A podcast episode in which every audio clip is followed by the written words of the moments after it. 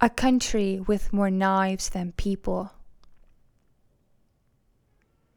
I got a new shower gel recently. It had the scent of tangerines and rose water. The bottle promised me a skin that smelled like the Mediterranean.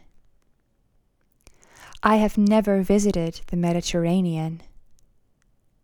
But I speak the language of fantasy, and in that language I've been around. I had just finished applying my first layer of shower gel. I am very meticulous in my personal hygiene. I wash every body part twice and do so diligently each time. I don't use loofahs. My doctor friend told me they're a host to bacteria, and I'm not one to wash herself with the household equivalent of rotting teeth. No, I keep myself clean. I wash myself with my hands, which too are flawless, and which I keep moisturized with a shea butter based cream. I was working the gel into a nice lather and thought about the meal I was going to cook that day. A prawn ceviche with fresh chilies and lime juice, squeezed from a lime that I'd picked from my friend's garden. The doctor friends, if you must know. Anyway, I was enjoying myself. And then I looked at the ceiling.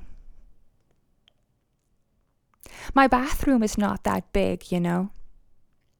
There's a sink, a towel rack, and a little cubicle that has my shower in it.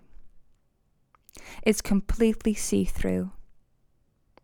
If I don't close the door all the way, my bathroom floor gets completely soaked in seconds. It's a nuisance. And if I let the water just sit there, the bathroom will be damp for weeks. And it'll get a little bit moldy in there.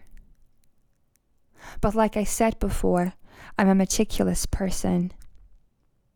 I keep the door closed, I avert every crisis. From the ceiling dangled a single long legged spider. It wasn't a very big spider, but it was dark colored, and I thought it looked dangerous. Aren't black widows poisonous?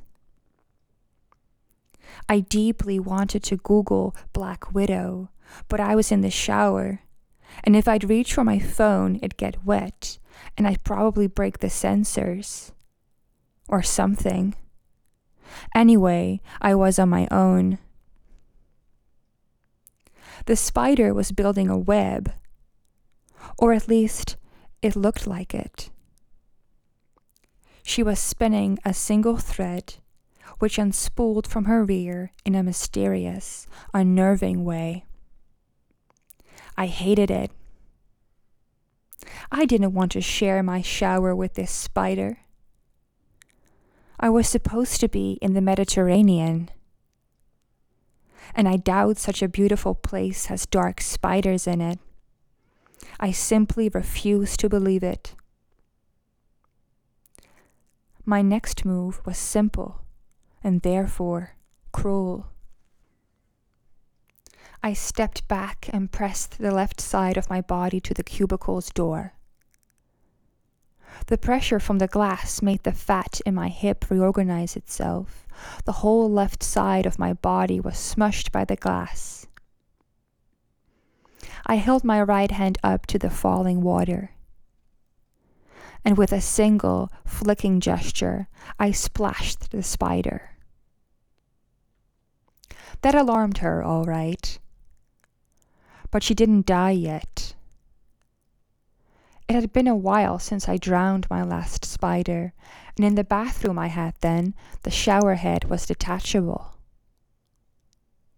I barely had to do anything, really. It was over before I'd even internalized the possibility of killing. This time it was different. I had to splash and splash and watch the spider struggle, clambering at the long thread she had so diligently spun. It was no use. The water had made her feet too wet to hold onto anything. When she finally fell, I squealed, as if her demise was a surprise to me.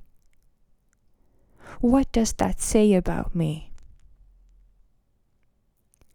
I watched the spider disappear into the plug hole. Her feet bobbed in and out from under the plug hole's cover for a bit. Her legs were too long for her to disappear at once. I was disgusted with myself. My feet had been touched by a dying spider. Revolting.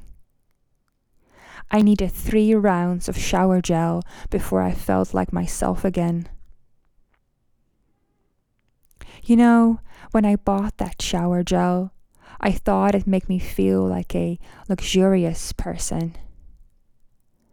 But then I remembered all the times when I'd been on the bus with a stranger peeling a tangerine next to me, and how much I had hated the smell. And now I regret the choices I made, the ways I spend my money, and the things I associate with purity and goodness when, in reality, they are vile.